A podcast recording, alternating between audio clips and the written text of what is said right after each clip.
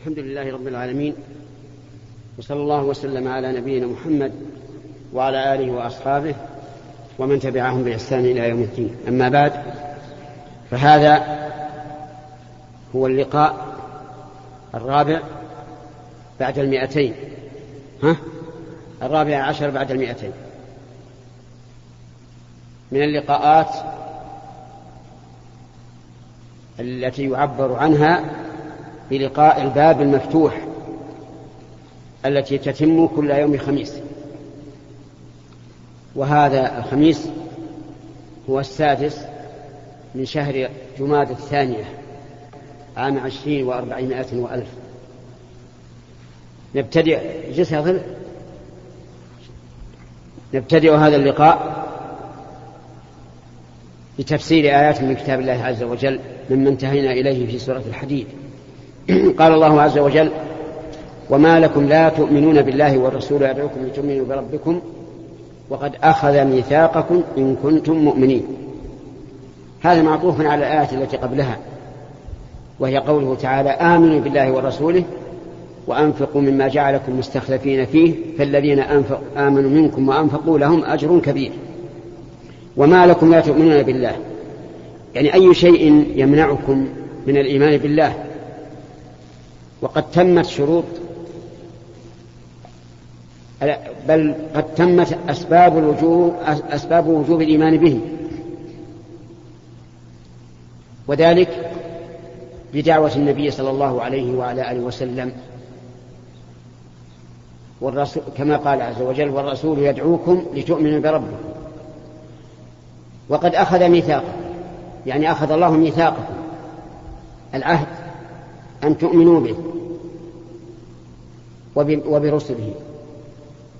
فصار هناك سببان للإيمان. الأول دعوة النبي صلى الله عليه وعلى آله وسلم إليه.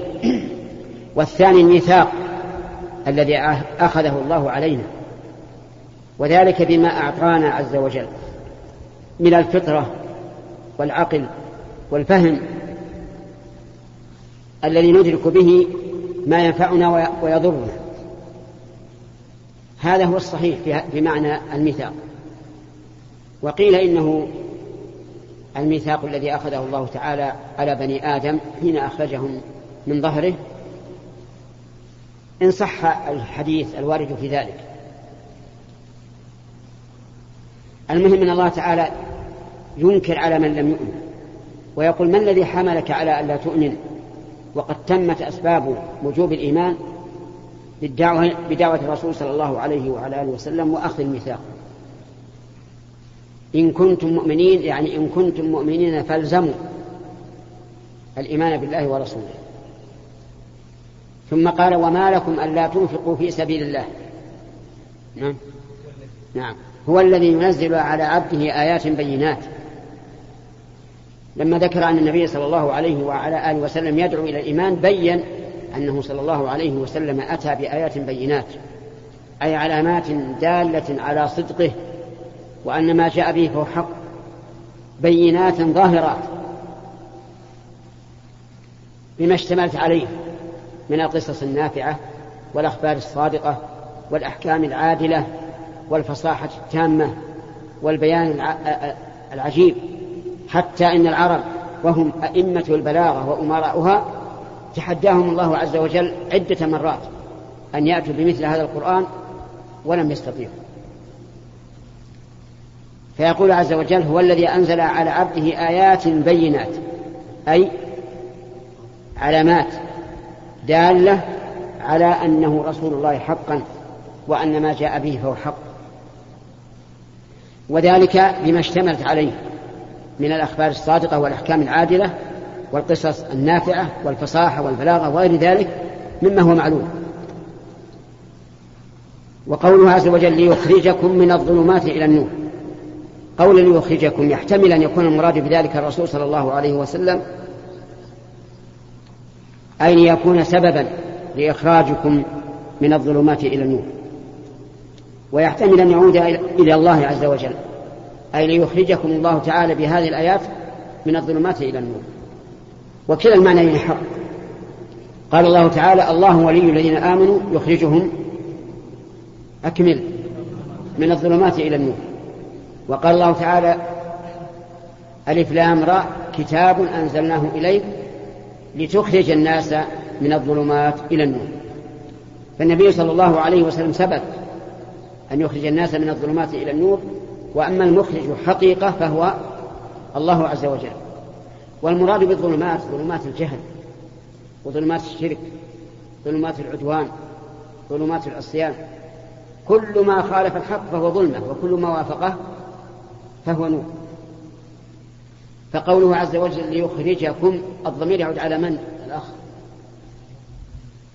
الضمير ليخرجكم من؟ الكاف للناس لكن الفاعل خطأ. ألست معنا الآن؟ تكلمنا عليه ما قبل أقل من دقيقة. من الخسارة الفادحة أن يحضر الإنسان بجسمه لا بقلبه فقد ضاع وقتا كثيرا على نفسه. احضروا بقلوبكم. و... و... وأجسامكم. نعم. الضمير يعود على من؟ إما على الله وإما على الرسول. طيب.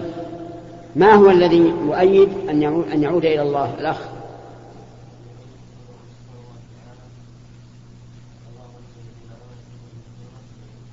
قول الله تعالى الله ولي الذين آمنوا يخرجهم من الظلمات إلى النور. طيب. والذي يؤيد أن يعود إلى الله؟ الأخ. نعم إلى الرسول. نعم. غلط. كتاب أنزلناه إليك لتخرج الناس من الظلمات إلى النور. وإذا كانت الآية تحتمل معنيين ولا منافاة بينهما تحمل عليهما جميعا.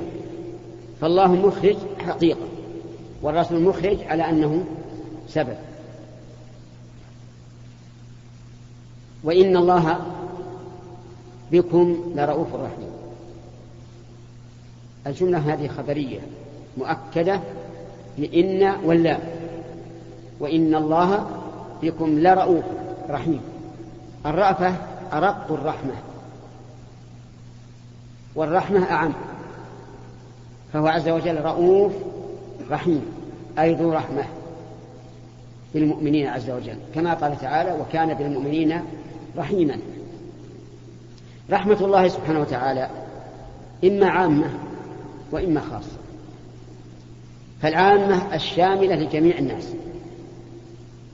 والخاصة بالمؤمنين كما قال عز وجل وكان بالمؤمنين رحيما فإذا قال قائل أي رحمة من الله عز وجل للكافر؟ فالجواب أمده بأنعام وبنين وعقل وأمن ورزق بل إنهم أي الكفار قد عجلت لهم طيباتهم في حياتهم الدنيا. أليس كذلك؟ قال الله عز وجل ولو يؤاخذ الله الناس بما كسبوا ما ترك على ظهرها من دابة. ولكن يؤخرهم إلى أجل مسمى. فإذا سألك سائل هل لله رحمة على الكافر؟ فقل أما لا. لا تقل نعم ولا لا. أما بالمعنى العام؟ إيش؟ فنعم. رحمه. ولولا رحمة الله به لهلك. وأما بالمعنى الخاص فلا. الرحمة الخاصة للمؤمنين فقط كما قال عز وجل وكان بالمؤمنين رحيما. وأن الله بكم رؤوف رحيم. وما لكم ألا تنفقوا في سبيل الله. استمع لتعرف أن القرآن يتصل بعضه ببعض. قال الله تعالى في أول الآيات آمنوا بالله ورسوله إيش؟ وأنفقوا مما جعلكم مستخلفين فيه. ثم قال وما لكم لا تؤمنون بالله. ثم قال وما لكم ألا تنفقوا في سبيل الله. لما أمرنا أن ننفق مما جعلنا مستخلفين فيه قال وما لكم ألا تنفقوا في سبيل الله. يعني أي شيء يمنعكم. والإنفاق في سبيل الله يشمل كل شيء أمر الله بالإنفاق فيه. ففي سبيل الله هنا عامة وعليه يدخل في ذلك الإنفاق على النفس. والإنفاق على الزوجة والإنفاق على الأهل. والإنفاق على الفقراء. واليتامى. والإنفاق في سبيل الله. كل ما أمر الله بالإنفاق فيه فهو داخل في هذه الآية. حتى على النفس. نعم. إنفاقك على نفسك صدقة. إنفاقك على زوجك صدقة. لكن لاحظ لاحظ النية لقول النبي صلى الله عليه وعلى آله وسلم لسعد بن أبي وقاص إن من تكلم. لقوله صلى الله عليه وسلم لسعد بن أبي وقاص واعلم أنك لن تنفق نفقة تبتغي بها وجه الله إلا أجبت عليها. لازم. القيد هذا لا بد منه. تبتغي به وجه الله. إلا أجرت عليها أي أثبت عليها. إذا ما لكم ألا تنفقوا في سبيل الله؟ ما المراد بالإنفاق في سبيل الله الأخ؟ كل ما أمر الله بالإنفاق فيه. طيب. ولله ميراث السماوات والأرض. يعني كيف لا تنفق؟ والذي سيرث السماوات والأرض هو الله. ومن جملة ذلك مالك الذي بخلت به. سيرثه الله عز وجل. سيرثه الله. فإذا ورث مالك من بعد فإما أن يرثه أن يرثه صالح فيكون أسعد به منك. وإما أن يرث أن يرثه مفسد فتكون خلفت له ما يستعين به على إفساده أفهمتم هذا؟ عجيب نعم ولا لا؟ إذا خلفت الماء فإما أن تخلفه إلى من ينفقه في سبيل الله فيكون هو أسعد بمالك منك وإما أن تخلفه لمفسد يستعين به على معصية الله فتكون أعنته على معصية الله بما خلفت له من المال. إذا ما هو اللائق بك؟ ما هو اللائق؟ أن تنفقه في سبيل الله. حتى يكون لك غنم وتسلم من غائلته لو ورثه من يفسد به. تذكر يا أخي عندما تفكر في الإنفاق فيأتيك الشيطان ويأمرك بالبخل. ويعدك الفقر. فكر. أنك إذا خلفت هذا المال فلا بد أن يورث. لن يدفن معك. لا بد أن يورث. ويكون الإرث دائرا بين الأمرين السابقين اللذين ذكرتهما وهو إما أن يرثه من ينفقه في سبيل الله فيكون أسعد بمالك منك وإما أن يرثه من يستعين به على الفساد في الأرض فتكون أنت سببا للإفساد في الأرض. ولا بد من هذا. ولله ميراث السماوات والأرض لا يستوي منكم من أنفق من قبل الفتح وقاتل. من أنفق في إيش؟ في سبيل الله. لا يستوي من أنفق منكم من أنفق في سبيل الله وقاتل يعني مع من لم ينفق ولم يقاتل. لا يمكن أن يستوي هذا وهذا لأن دين الإسلام دين العدل في العمل والجزاء. انتبه. دين العدل في إيش؟ في العمل والجزاء. وليس كما يقول المحدثون المحدثون إنه دين المساواة. هذا غلط غلط عظيم. لكن يتوسل به أهل الآراء والأفكار الفاسدة إلى مقاصد ذميمة. حتى يقول المرأة والرجل سواء والمؤمن والفاسق سواء والعرب والعجم سواء. ولا فرق. وسبحان الله أنك لم تجد في القرآن كلمة المساواة بين الناس. لا بد من فرق. بل أكثر ما في القرآن نفي المساواة. لا يستوي قل هل يستوي الذين يعلمون والذين لا يعلمون وآيات كثيرة. فاحذر أن تتابع فتكون كالذي ينعق بما لا يسمع إلا دعاء ونداء. بدل من أن تقول الدين الإسلامي دين المساواة قل إيش؟ دين العدل الذي أمر الله به أن يعطي كل ذي حق حق أرأيت المرأة مع الرجل في الإرث سواء ولا يختلفون؟ يختلفون. في الدية. الدية دية النفس المرأة نصف دية الرجل. في العقيقة. فك الرهان. الذكر ثنتان والأنثى واحدة. في الدين. المرأة ناقصة. إذا حاضت لم تصلي ولم تصم في العقل المرأة ناقصة. شهادة الرجل بشهادة امرأته وهلم جرا الذين ينطقون بكلمة مساواة إذا قررنا هذا وأنه من القواعد الشرعية الإسلامية ألزمونا بالمساواة في هذه الأمور. وإلا لا صرنا متناقضين. فنقول دين الإسلام هو دين العدل يعطي كل إنسان ما يستحق. حتى جاء في الحديث أقيلوا ذوي الهيئات عثراتهم إلا الحدود. يعني إذا أخطأ الإنسان الشريف الوجيه في غير الحدود فاحفظ عليه كرامته وأقله.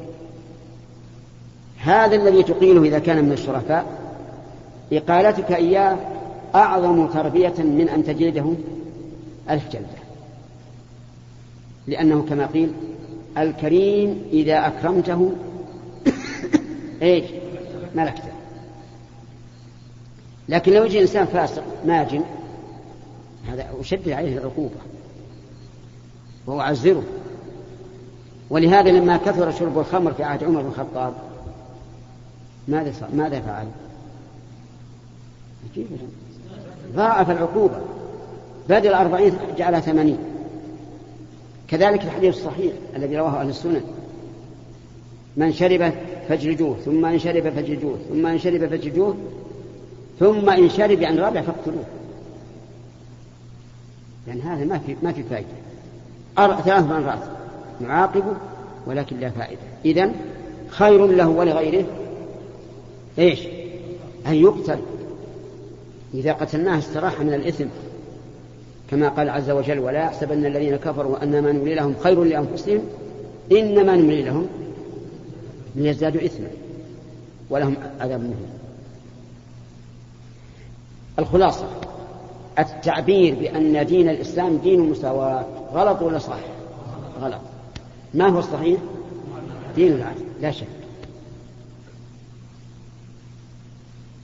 العجب أن هؤلاء الذين يقولون هذا الكلام. يقولون إن النبي صلى الله عليه وعلى آله وسلم قال لا فضل لعربي على عجمي إلا بالتقوى فيتناقضون. الحديث ما نفى مطلقا. قال إلا بالتقوى مع إذا يختلفون بالتقوى ولا ما يختلفون؟ ها؟ يختلفون. هذه هذه. ثم إن هذا الحديث أظنه لا يصح عن النبي عليه الصلاة والسلام. لأنه قال أن الله اصطفى من بني إسماعيل كنانة واصطفى من كنانة قريش واصطفى من قريش بني هاشم واصطفاني من بني هاشم. ففضل. ولا شك عندنا أن العرب يعني جنس العرب أفضل من جنس غير العرب. لا شك عندنا في هذا. والدليل على هذا أن الله جعل في العرب أكمل نبوة ورسالة. من؟ محمد صلى الله عليه وسلم. أكمل نبوة ورسالة جعل الله في العرب. وقد قال الله تعالى الله أعلم حيث يجعل رسالته. فالأجناس تختلف. وقال عليه الصلاة والسلام خياركم الجاهلية خياركم في الإسلام. إذا فقه احذر أن تتابع. في العبارات التي ترد من من المحدثين المحدثين حتى تتأملها وما فيها من الإيحاءات الإيحاءات التي تدل على مفاسد ولو على المدى البعيد. أسأل الله أن يهدينا وإياكم صراطا المستقيم وأن يتولانا في الدنيا والآخرة إنه على كل شيء قدير. الآن إلى الأسئلة. والحق للضيوف. أما المضيفون فلهم أجر الضيافة. نعم. بسم الله الرحمن الرحيم. فضيلة الشيخ السلام عليكم ورحمة الله وبركاته. رفع الله درجتكم وجمعنا بكم في جنات النعيم. آمين. ما رأي فضيلتكم فيما يسمى بالتقريب بين, الأد... بين الأديان؟ كان يكون هناك اجتماع بين المسلمين والنصارى لمحاولة تقوية الروابط بينهم أو بين المسلمين السنة؟ والرافضة جزاكم الله أرى بارك الله فيك أنه لا يجوز إطلاقا أن نقر بأن النصارى على دين أو أن اليهود على دين. كلهم لا دين لهم لأن دينهم منسوخ. لماذا؟ بدين الإسلام. فكوننا نقول الأديان ما ما ما نقر بهذا أبدا.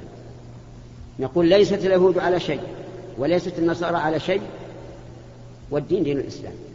كما قال عز وجل ومن يبتغي غير الإسلام دينا فلن يقبل منه وهو في الآخرة من الخاسرين إذا كان كذلك فهل يمكن أن نقارب بين حق وبين منسوخ؟ لا يمكن. وما ذاك إلا مداهنة كما قال عز وجل ودوا لو تدهنوا فيدهنون. نعم إذا كان هناك مقاربة خاصة محدودة بين شخص وآخر لأجل أن يدعوه إلى دين الإسلام هذا شيء آخر. لكن أما أن نداهن ونقول أنتم يا اليهود على دين وأنتم النصارى على دين ونحن على دين من فضلك. والأديان كلها سماوية ما يجوز هذا أولا التوراة التي بيد اليهود والإنجيل الذي